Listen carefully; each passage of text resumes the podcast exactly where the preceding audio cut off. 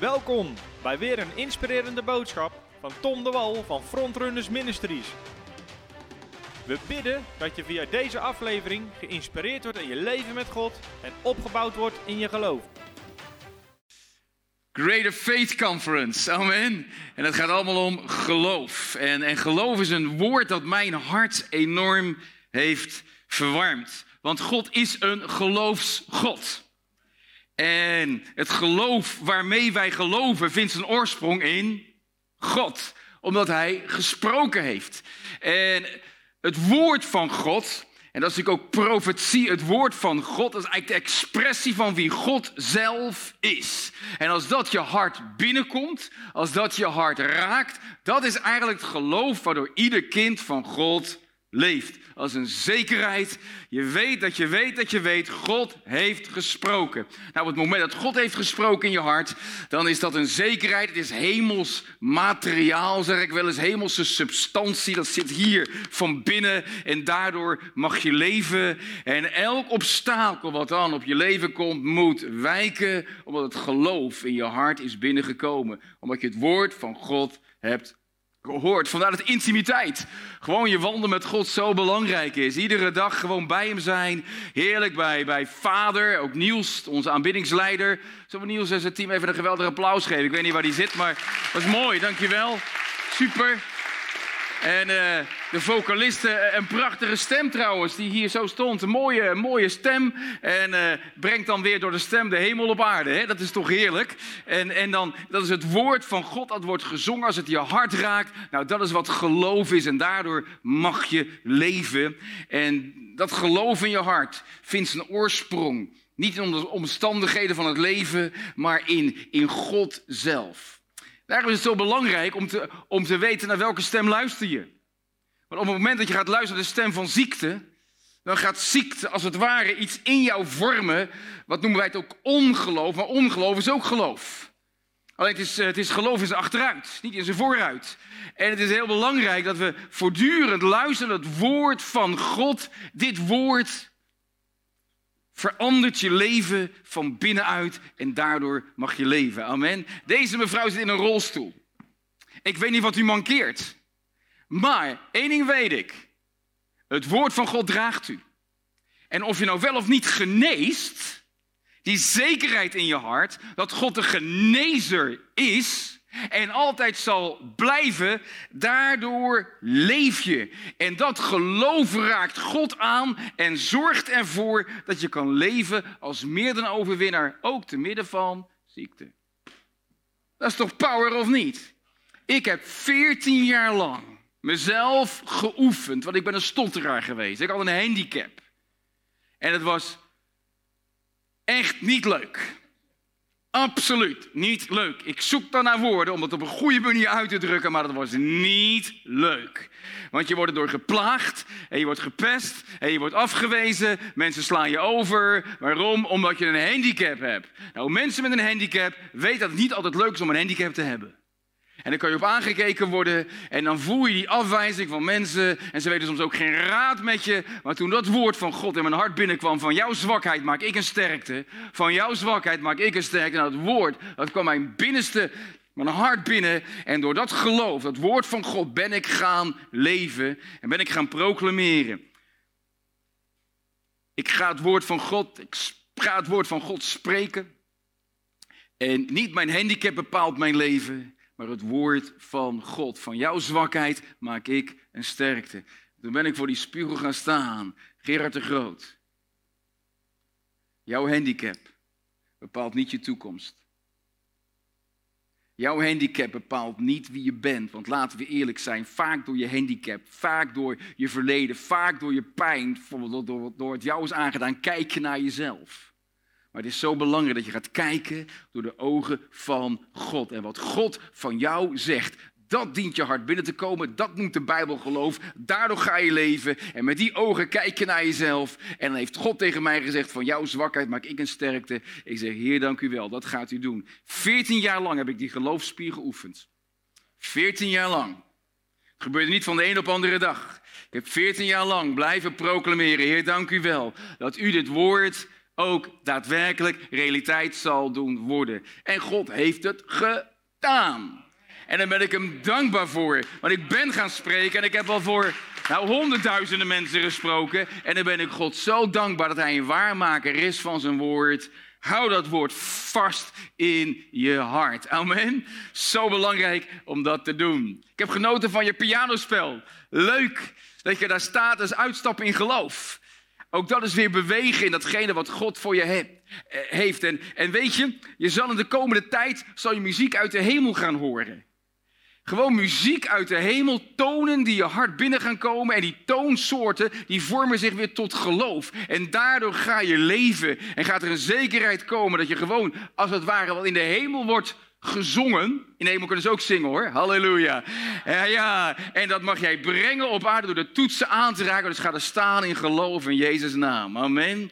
Dankjewel, daar wil ik je mee zegenen. Ga door op, de, op het pad dat jij bent ingeslagen in de kracht van de Heer. Amen. Halleluja. Nou, bent u blij met geloof of niet? Greater faith, geloof. Nou, we hebben reddend geloof. Zeg allemaal even reddend geloof. Op het moment dat, dat, kijk, het hart heeft de functie om te geloven. De, God heeft de mens een hart gegeven om te geloven. De vraag is, in wie geloof je? Wat geloof je? Want mensen die geloven ook in Satan. Dat doen ze met hun hart. En dan komt het woord van Satan een hart binnen. Dat is ook geloof. Niet bijbels geloof, maar dat is eigenlijk substantie van het kwaad. Wat een hart binnenkomt en daardoor gaan ze leven. En reken maar dat dat ook dingen in werking gaat zetten. Dat de geestelijke wereld daar ook op reageert. Maar ik heb het over het geloof van God. De expressie van wie Hij is.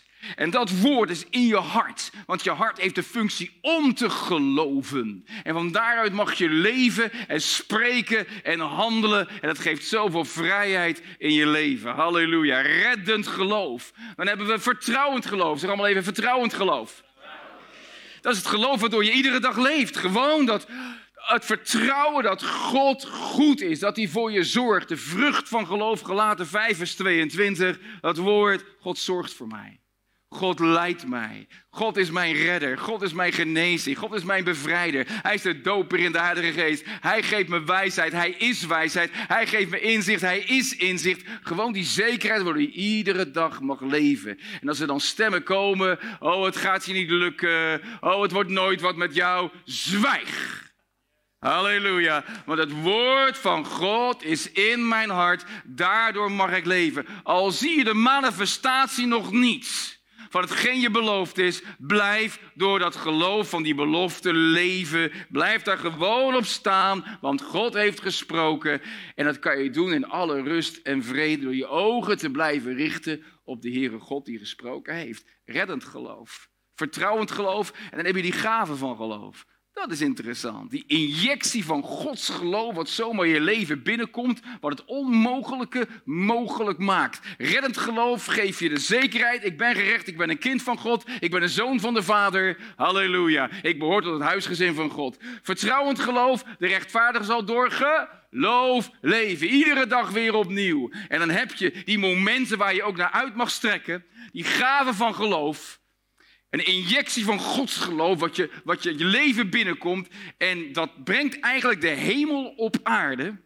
Het maakt het onmogelijke mogelijk. Het doet je op water wandelen. En van daaruit deel je genezing mee, bevrijding mee. En dat, dat het, als het ware de hemel wordt dan zichtbaar op deze aarde. Nou, ik zou er iedere dag wel mm, nog veel meer van willen ervaren. En vanuit willen drinken. Want dat heeft het lichaam van Christus nodig, ook vandaag de dag. Amen. En ik geloof mensen die zeker zijn van hun redding. Reddend geloof. Je wandelt dat vertrouwend geloof. Iedere dag weer opnieuw. Jouw relatie met God. Gewoon voed dat geloof in je hart. Dat opent ook de deur voor die injectie, die gave van geloof.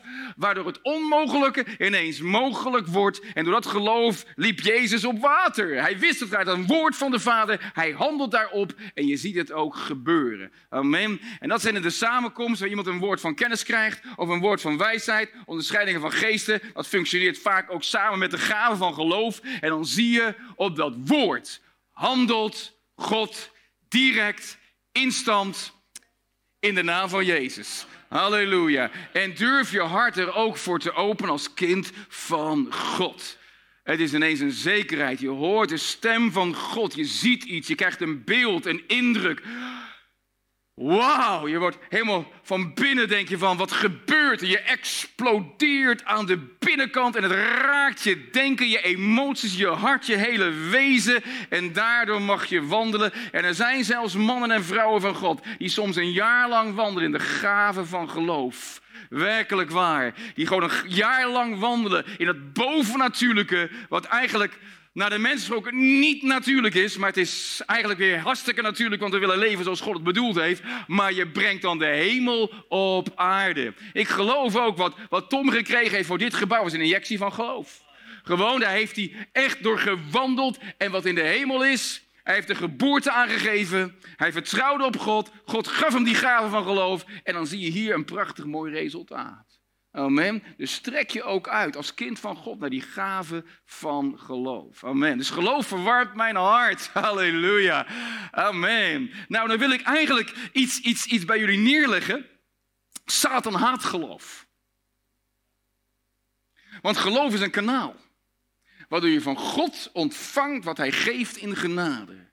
Geloof is een kanaal waardoor je van God ontvangt wat hij geeft in zijn genade gelooft, ontvangt, genade geeft. En God wil zo graag dat je het geloofskanaal gebruikt om te ontvangen wat Hij voor zijn kinderen, zijn zonen en dochters heeft. Dat we daardoor kunnen leven, iedere dag van je leven. Nou, bijvoorbeeld, ik heb, ja, ik heb een gave van profetie. Ik kan, over koord, ik kan voor koord gaan staan en dan ga ik naar hem kijken en dan zeg ik, ik wil de ogen van de hemel hebben. En ineens, dan zie ik zijn oren. Maar die oren worden ineens helemaal, als het ware, uitgelicht. God focust me op de oren van koord. Ik zeg, heer, wat wilt u dan zeggen? En op dat moment begin ik dingen te zien wat dan zijn leven begint binnen te komen. Dat de stem van de Vader zal steeds scherper worden, zal steeds krachtiger worden. En dat er als het ware engelen zijn die zijn oren aan het schoonmaken zijn. En we denken van ja, maar er gebeurt iets met zijn oren om scherp van God te horen. Hoe ervaar je dat? Dat is wandelen in de geest. Dat is, dat zien met de ogen van God. Ik heb er een boek over geschreven, de realiteit van de bovennatuurlijke wereld. Dat het belangrijk is dat we gaan beseffen dat het niet alleen een natuurlijke wereld is, maar ook een geestelijke wereld waarin wij mogen bewegen. En dan gaat kort zien dat het een, het horen van God is op een bepaald gebied waar anderen niet zozeer van God horen. Het is een specifiek terrein wat God jou gegeven heeft om van God te horen op dat gebied, wat ook de bediening tot grote zegen kan zijn. Tom hoort heel weinig op dat gebied.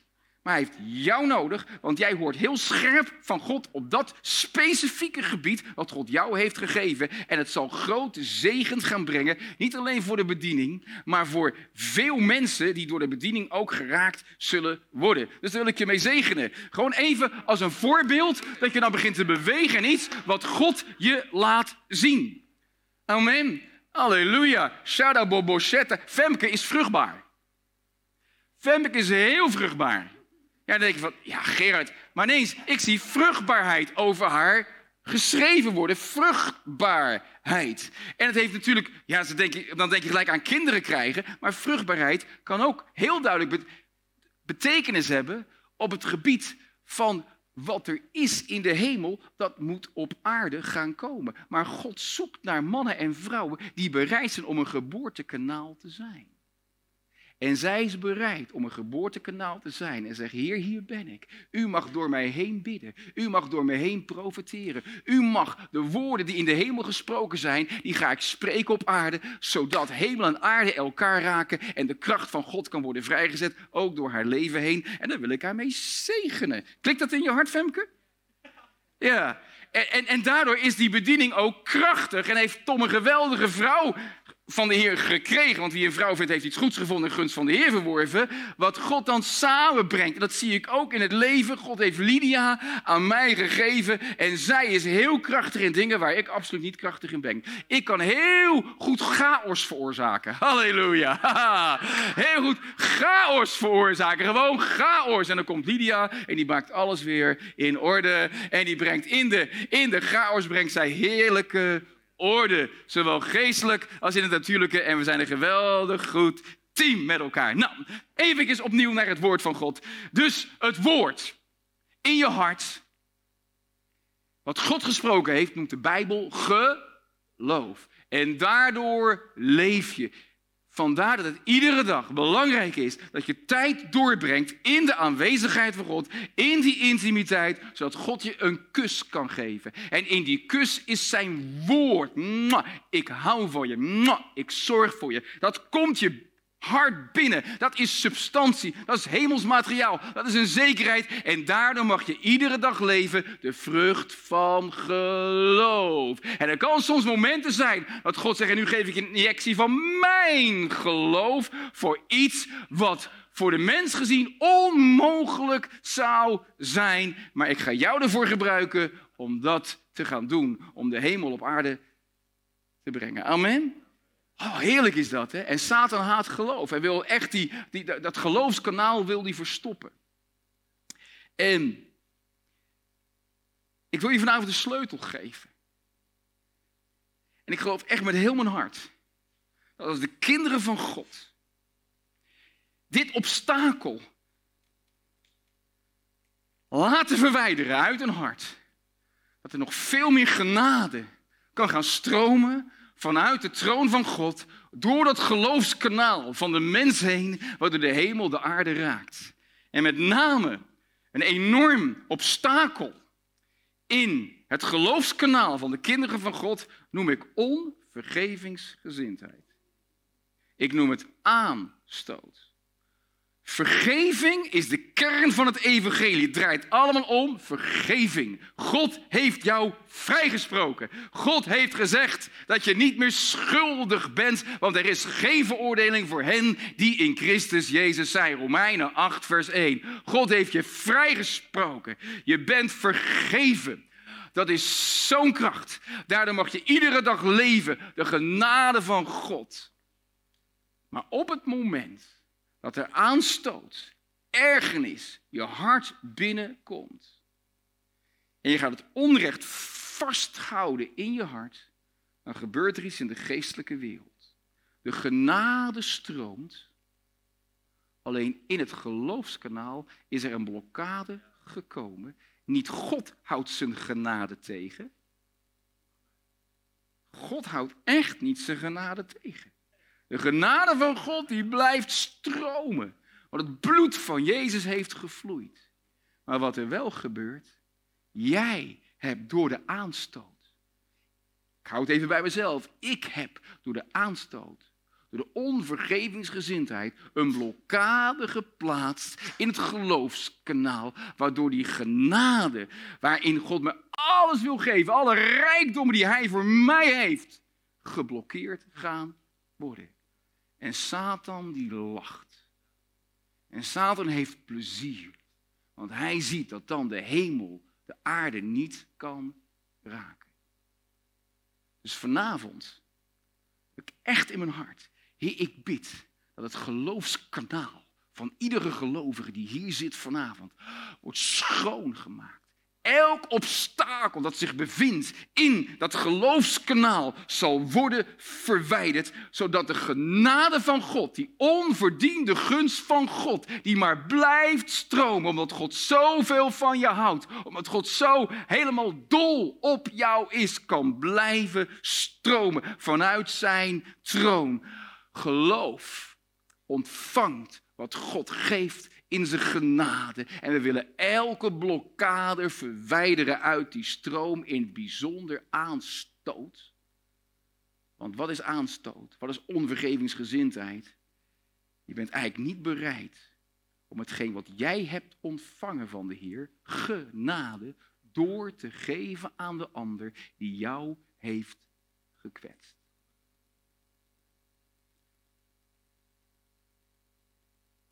Matthäus 18, ik ga het toch even lezen. We hebben een prachtig mooi verhaal. En dan ga ik straks Lydia vragen om naar voren te komen. Om iets te delen wat mijn leven totaal heeft veranderd op het gebied van onvergevingsgezindheid. Om mensen te vergeven, zodat die stroom van genade uit de troon van God mijn leven kan blijven raken. En dat elke blokkade zal worden verwijderd. En, in Matthäus 18 lezen we het volgende verhaal. Vers 21, toen kwam Petrus naar hem. Dat is naar Jezus. En zei, heren, hoeveel keer zal mijn broeder tegen mij zondigen en ik hem vergeven? Jezus sprak over relaties. En Petrus dacht van, jongen, jongen, het is niet altijd makkelijk om vrienden en vriendinnen te hebben, want die kunnen je behoorlijk kwetsen. Wie is hier trouwens nog nooit pijn gedaan? Wie heeft een ander nog nooit pijn gedaan? Ik denk met andere woorden, we hebben allemaal het meegemaakt, we zijn pijn gedaan, we hebben andere mensen pijn gedaan, ook in, ook in, ook in de relatiesfeer. En dus het is een heel actueel onderwerp, ook in het lichaam van Christus. En wil ik, nu wil ik met name vanavond benadrukken dat het is mijn passie, het is mijn hart voor vanavond, dat die blokkade van aanstoot, van onvergevingsgezindheid, die we kunnen meedragen in ons hart, omdat we onrecht vasthouden, dat dat wordt verwijderd uit die stroom van genade. En ik ga je een sleutel geven vanavond en ik hoop in Jezus' naam dat het heel veel mensen zal vrijzetten op een nieuwe manier, zoals je nog nooit eerder hebt meegemaakt. Daar hopen we je vanavond in te gaan helpen. Tot zevenmaal toe, de Joden zeiden tot drie keer. Peter zei tot zeven keer. Hij dacht, dat is heel ruimhartig.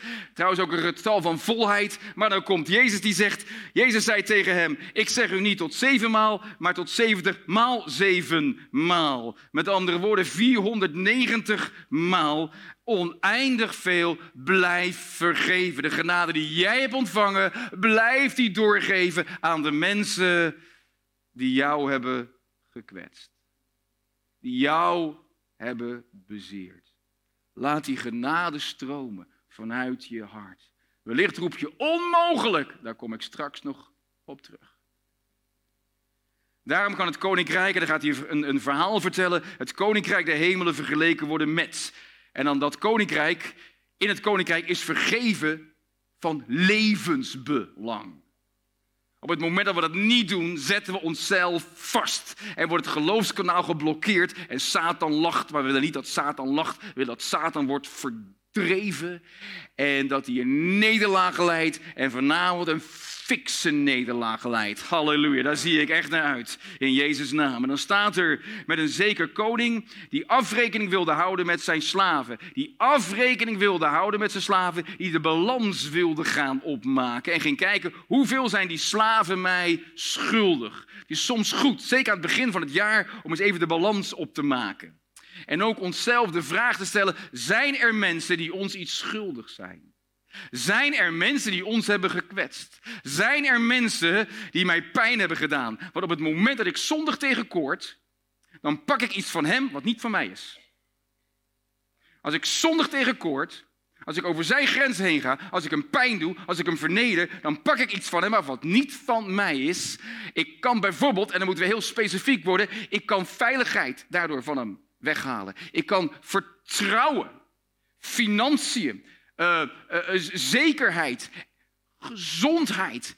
Door te zondigen tegen mensen, we moeten dat niet vergeten, pak je iets van een persoon wat niet van jou is. En deze koning, die gaat even kijken, wat zijn de slaven, wat zijn de mensen mij verschuldigd. En ik weet een prachtig beeld van de Heere God. Maar ook wij zijn geschapen naar zijn beeld en gelijkenis. Dus soms is het ook goed voor ons om dat eens te doen in je leven. Om er even bij stil te staan.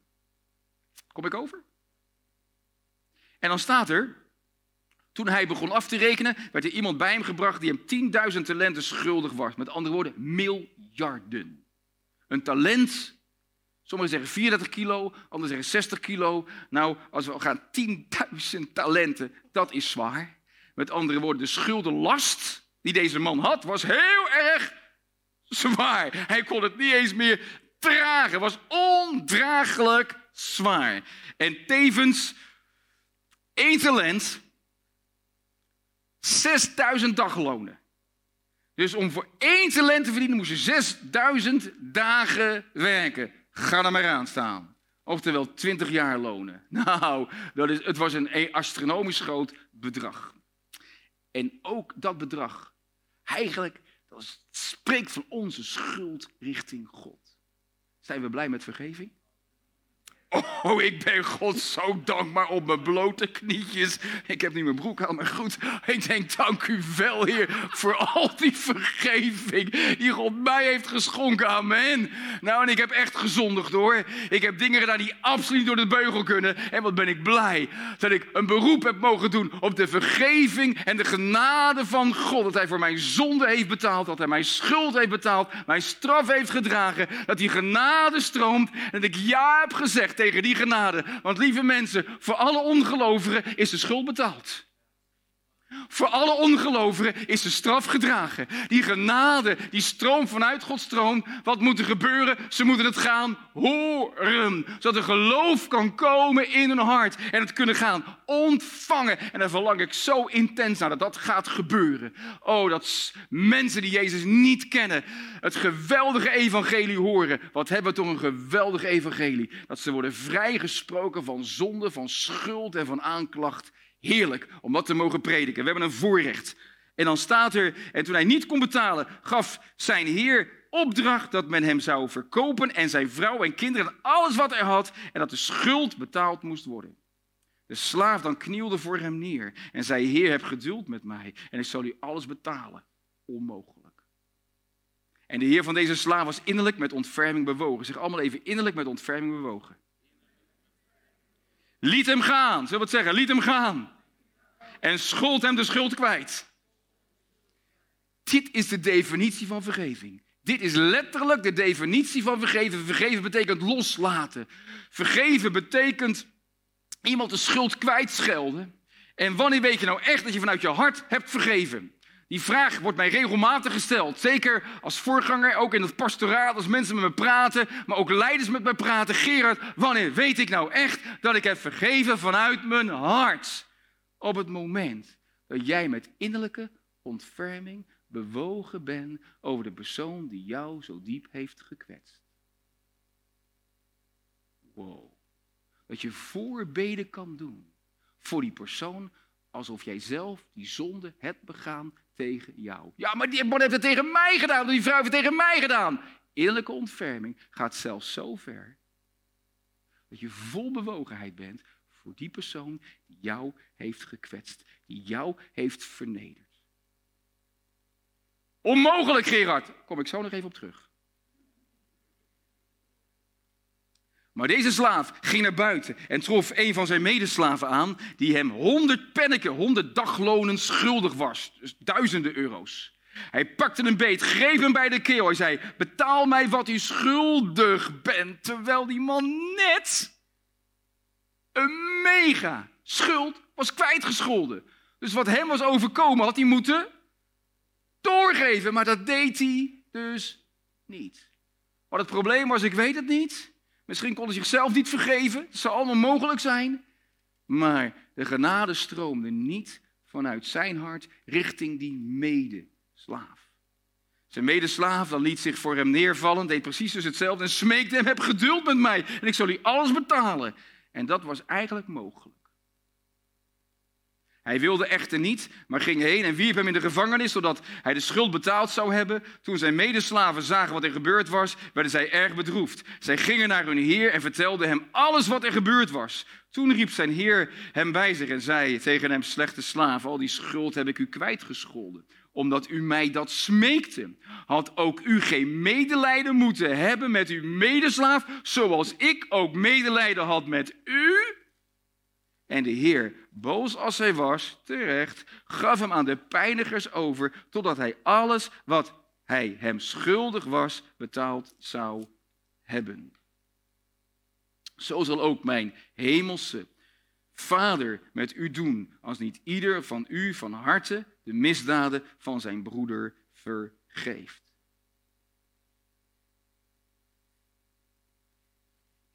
Wie niet vergeeft, vergiftigt zichzelf. Wie niet vergeeft, zet de persoon die het onrecht in zijn leven begaan heeft, in de gevangenis van zijn hart. Sluit die persoon op. En het vervelende is, je plaatst jezelf erbij. Onvergevingsgezindheid is als het drinken van vergif, terwijl jij denkt dat de ander er ziek van wordt.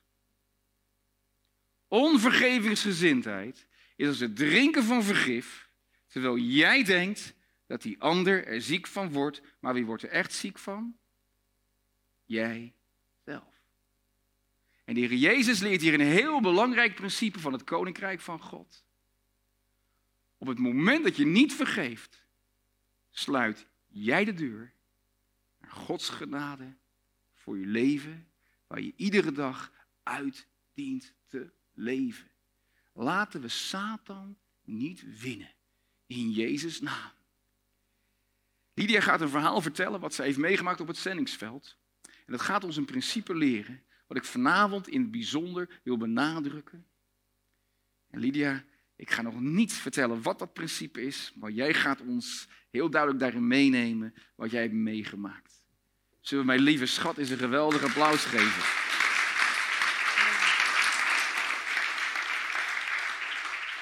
Goedenavond. Ik geniet er ook van, dankjewel. um, ja, ik heb in eh, Mozambique inderdaad, uh, Tom vertelde het al, gewerkt als, als zendeling. Dat is een jaar of twintig geleden. Um, en ik woonde daar op een gegeven moment alleen in een huis op de, tweede, of op de eerste verdieping aan zee. En op een nacht lag ik te slapen en um, ik werd op een gegeven moment wakker van een uh, deur, van de deur die tegen de deurpost klepperde. En uh, ik denk, nou, was een irritant geluid. En uh, ik dacht, wat, wat, zal er zijn? nee, de wind waaide niet, het was gewoon heel stil. En ik ben uit bed gegaan en nou ja, ik heb de deur dicht gedaan. En ik ben weer, nou, proberen gaan slapen. En eventjes later ging weer de deur open en die klepperde weer. Dus, nou, wat raar, ik had hem net dicht gedaan. En ik had een heel onrustig gevoel al van binnen. En ik was al begonnen met bidden van Heer, dank u wel voor uw bescherming. En uh, ja, het voelt uh, onheimisch allemaal. En toen ben ik uit bed gegaan. Ik heb een sok volgens mij tussen de deur en de deurpost gestopt en hem goed dichtgetrokken. Nou, dan kan hij niet meer open gaan. En nou, ik probeer weer te slapen, biddend. En een poosje later gaat toch weer de deur open. Dus ik denk, dit klopt echt niet. Toen ben ik uit bed gegaan en uh, naar de logeerkamer die naast mijn slaapkamer was. Ik woonde alleen daar en de telefoon was helemaal aan de andere kant van het huis, dus ik kon ook niemand bellen. Ik heb het licht aangedaan in de logeerkamer, toen in de badkamer, in de keuken. En tegenover de keuken was mijn kantoor. En daar deed ik het licht aan. En toen schrok ik me echt helemaal wezenloos. Want daar stond een zwarte man. Met een, uh, helemaal naakt, met alleen een lendenlapje had hij om. En een grote ijzeren staaf waarmee hij mij wilde slaan, met, uh, met punten eraan. Um, ik, ik gilde, ik, ik deinsde achteruit. Ik zag Gerard denk ik even gebruiken als, uh, als de inbreker.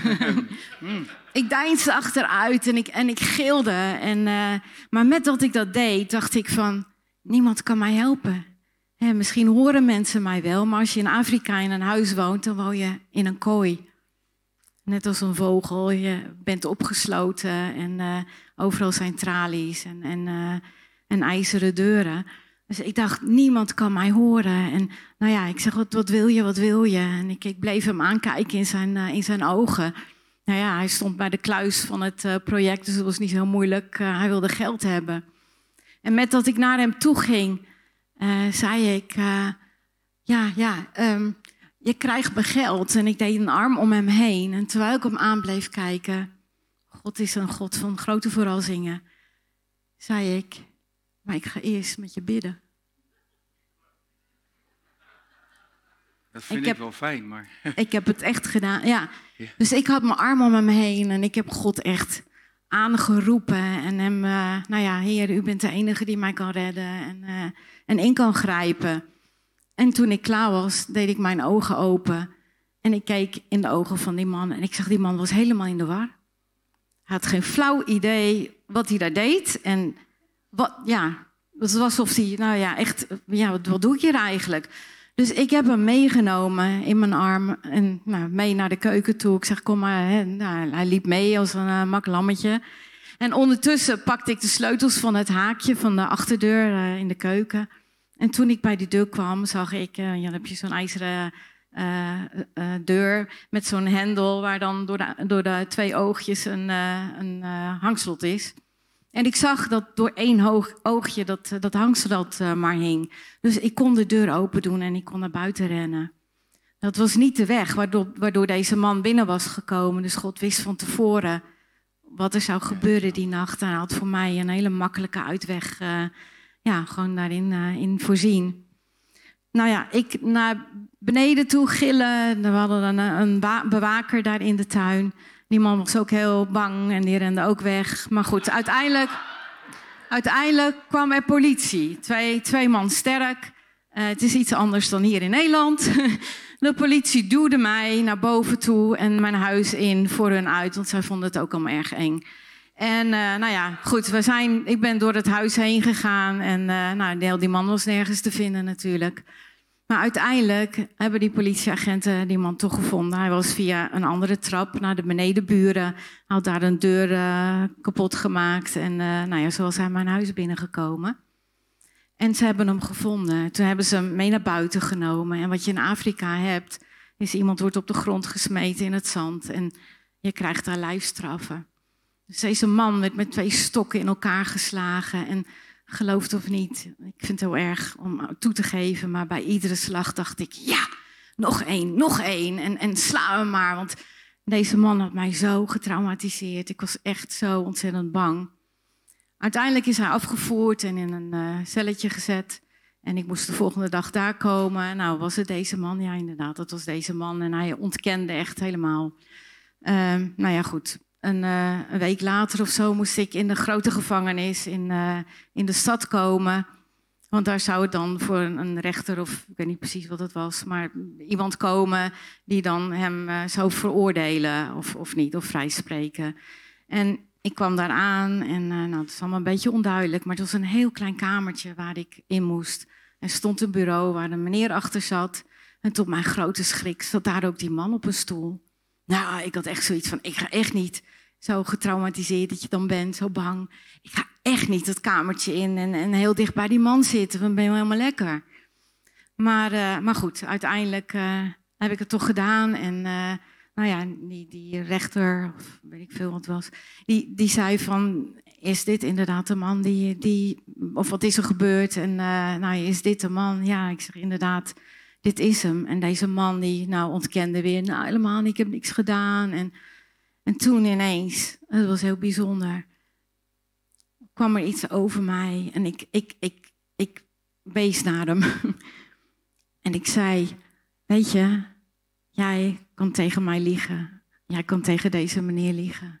Maar er is een God in de hemel die precies weet wat je hebt gedaan. En tegen hem kun je niet liegen, want hij, uh, hij weet het. En toen zei ik van, en ik geloof in deze God en God heeft mij vergeven. En op dit moment, ik vergeef jou ook. Het was iets wat over mij kwam, wat ik niet van tevoren had bedacht van dit ga ik zeggen. Maar het was echt iets en wat God mij gaf. Wow. En hier wil Gerard iets verder over delen. Yes. Mooi. Dankjewel.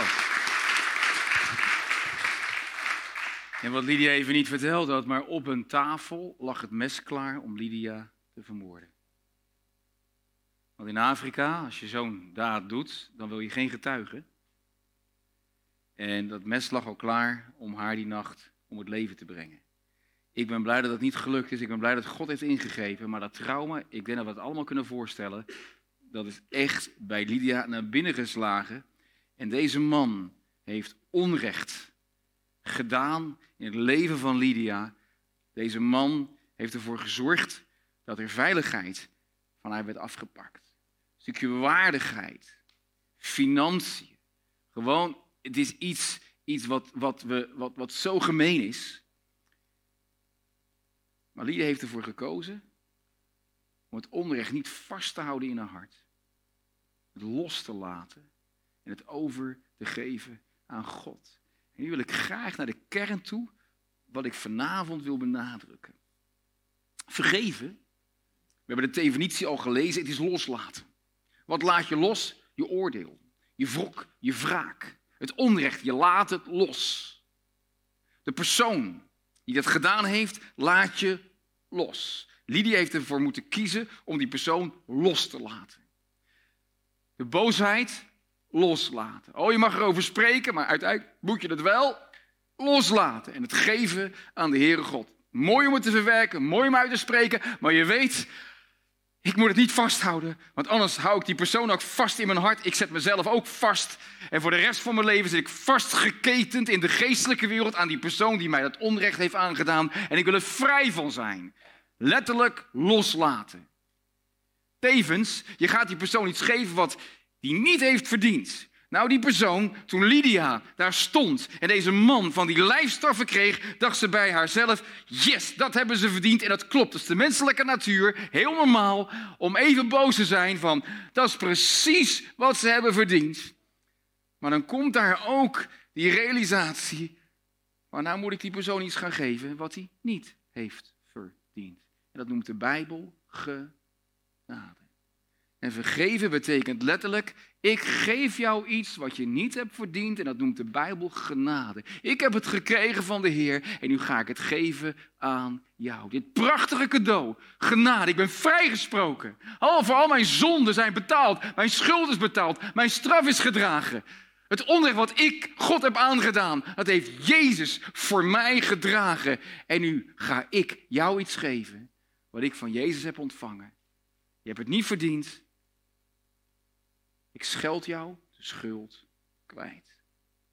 Tevens is vergeven, je geeft het oordeel, geef je over aan God zelf, aan de hoogste rechter. En ik wil met name tot leiders ook in ons midden zeggen, je zal in bepaalde situaties, ook Tom zal daarmee te maken krijgen, als er onrecht plaatsvindt in je organisatie, ook tussen mensen, dan zal je op een gegeven moment moeten oordelen. Dat is gewoon een verantwoordelijkheid die je als leider hebt. Om scheiding te brengen tussen goed en kwaad, tussen, tussen rein en onrein, tussen licht en duisternis. Die verantwoordelijkheid heb je. Maar, laat ik heel helder zijn, voordat je dat als vader, als moeder, als leider, als, als CEO of als, als, als weet ik wie je bent en verantwoordelijkheid hebt in een bepaalde organisatie, bedrijf of kerk, laat eerst jouw oordeel los.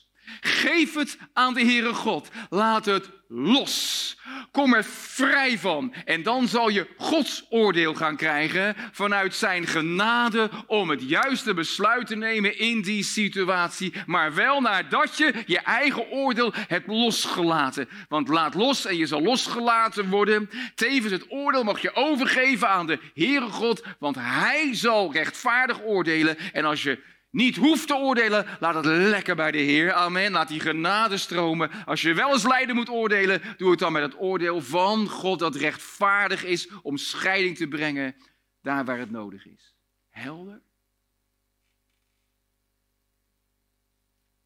En dan is vergeven is vanuit je hart. Jezus is daar zo helder en duidelijk over. Geef niet alleen met je verstand, maar vergeef in het diepst van je wezen met je Waar ik vanavond dus naartoe wil. Wat Lydia ook net zo mooi heeft gedeeld. Ik zie ze nog voor me staan. Niet Lydia, maar een jonge vrouw. 21. Ik had net een prachtige boodschap gedaan over vergeving. En ik had gezegd, het is zo belangrijk om te vergeven. Nou, de mensen waren het er wel mee eens. En er waren ook psychologen in die zaal. En maatschappelijk werkers. En ik geloof zelfs psychiaters waren in die zaal. En ze waren wellicht allemaal onder de indruk van het woord wat ik had gebracht. En ook heel duidelijk had gezegd: Het is zo belangrijk om te vergeven. En met name ook de, van: Jongens, laat alsjeblieft los. Hou het niet vast. Want oh, je zet jezelf in de gevangenis. En, en niet alleen jezelf, maar ook die ander. En de rest van je leven zit je vast aan zo'n persoon. Je moet daar los van komen. Ik had een pleidooi gehouden. En mensen waren geraakt. En ze kwamen naar voren. En ze stonden voor mij om, om, om heerlijk te vergeven. Eén persoon. Die kwam niet lopend naar voren, maar die rende naar voren. We dachten eerst zo, die heeft de boodschap begrepen. Nou, als ogen kunnen doden. Ze keek me aan.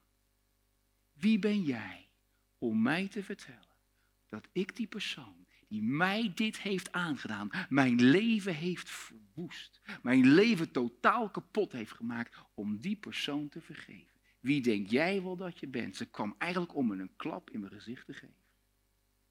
En op dat moment Heilige Geest, help.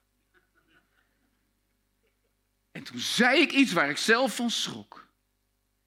En toen keek ik er aan. En toen zei ik, dat klopt. Wat je nu zegt klopt.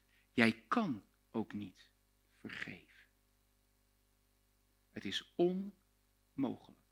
En ik schrok van de woorden die kwamen over mijn lippen, want ik had net verteld, het is zo belangrijk om te vergeven. En nu staat die prediker ineens vooraan en die zegt, het is onmogelijk om te vergeven. Dus ik stond ineens in een enorm dilemma en ik zei, heer, ik heb een woord van wijsheid nodig.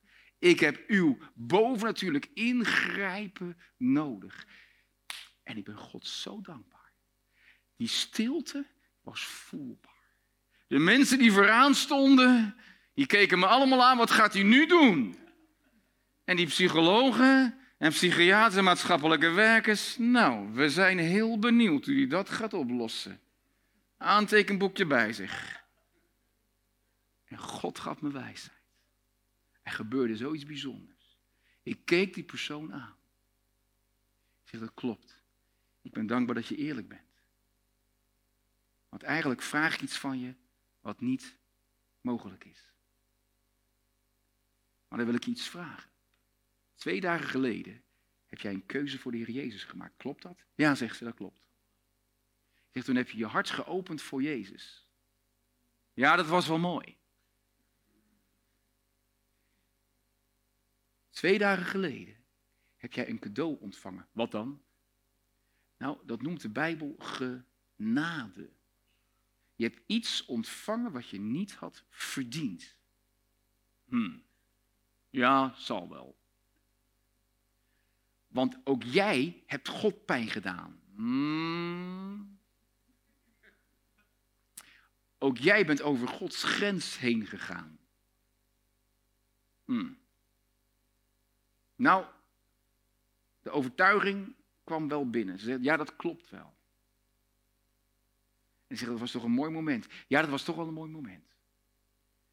En toen zei ik het volgende. Wat jij twee dagen geleden hebt gekregen van Jezus. Dat noemen we genade. Dat is een prachtig cadeau. Je had het niet verdiend, maar je hebt het wel gekregen. Je hebt vergeving van zonde. Heb je ontvangen. De schuld heeft Jezus voor jou betaald. De straf heeft Hij gedragen. Je hebt zoiets moois gekregen. Zou je bereid zijn om die genade te geven aan die persoon die jou zo heeft gekwetst? En het mooie is, op het moment dat jij dat cadeau geeft, gaat dat cadeau zich vermenigvuldigen in jou. Want genade wordt vermenigvuldigd op het moment dat jij het uitdeelt. Zou je dat willen? Het werd stil, nog stiller.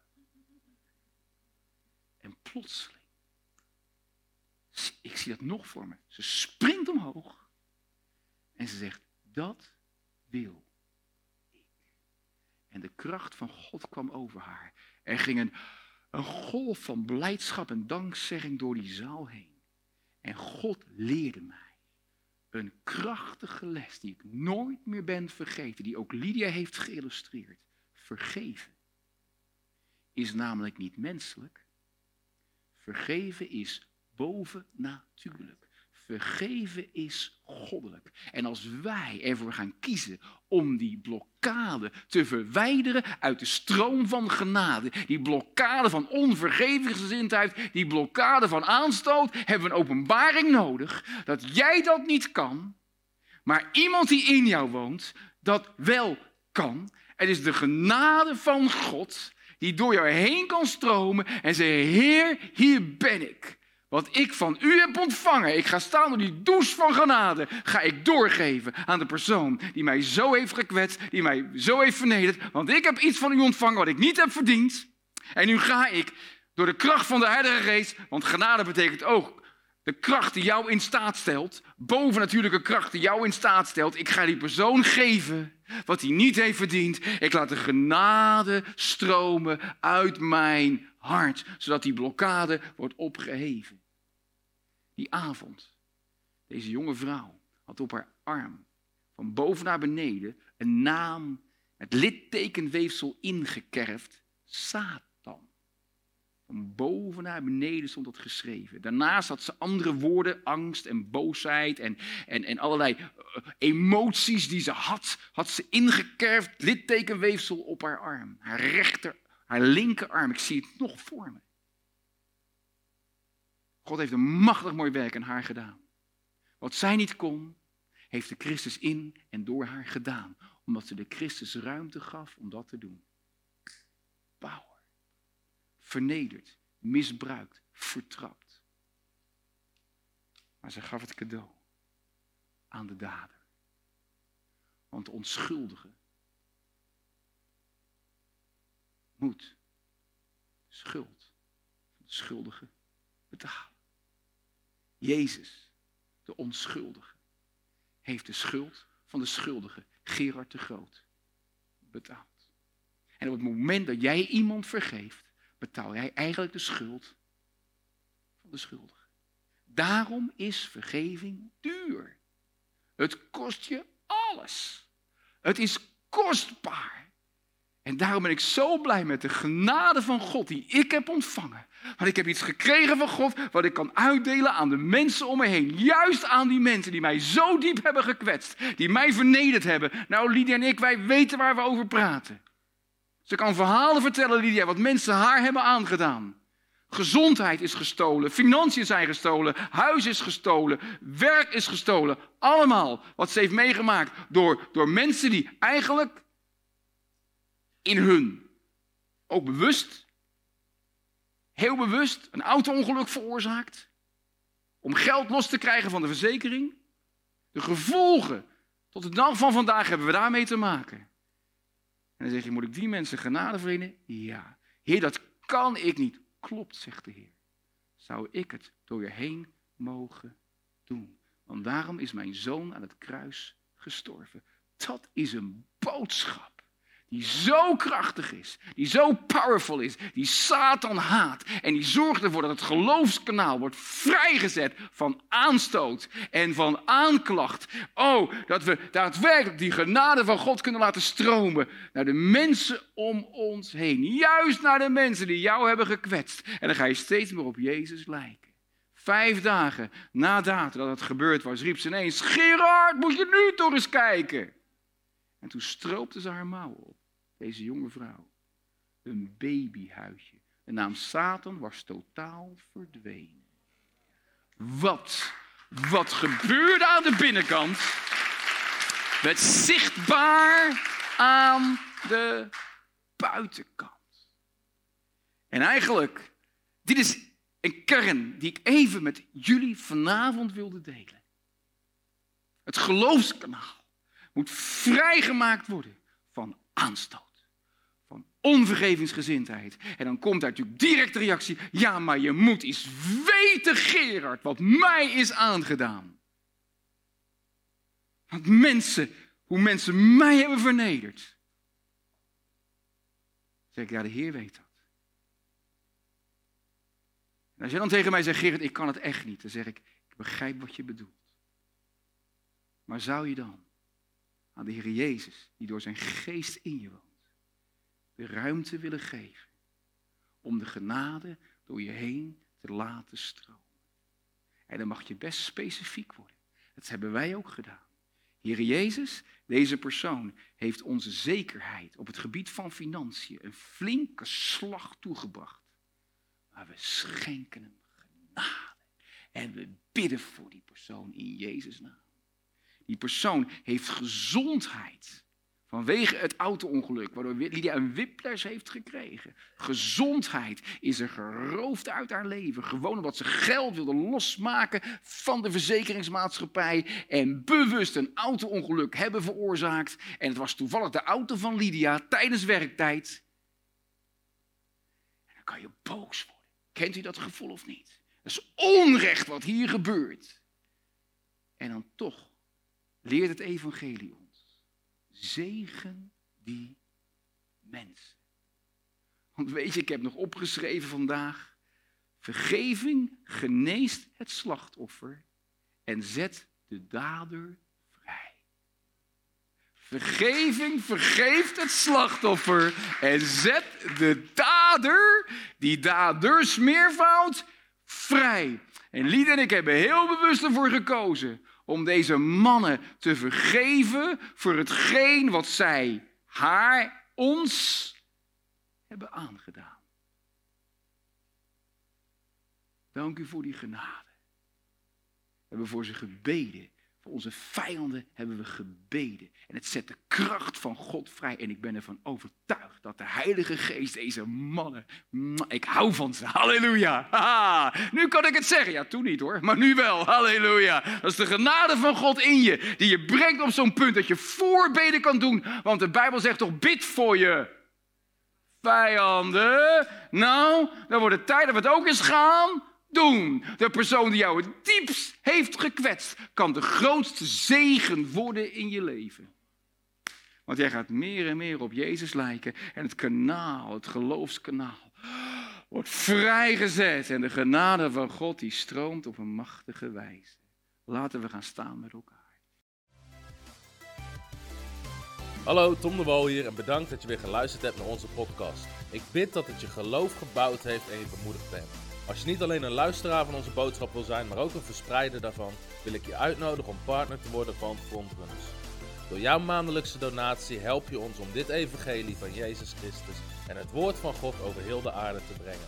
Om partner te worden, ga naar www.frontrunnersministries.nl slash partners en word partner. Hartelijk bedankt en tot snel. Heb je ook zo genoten van deze inspirerende boodschap van Tom de Wal? Abonneer je dan op deze podcast. Volg ons op Facebook en op Instagram en kijk op onze website frontrunnersministries.nl.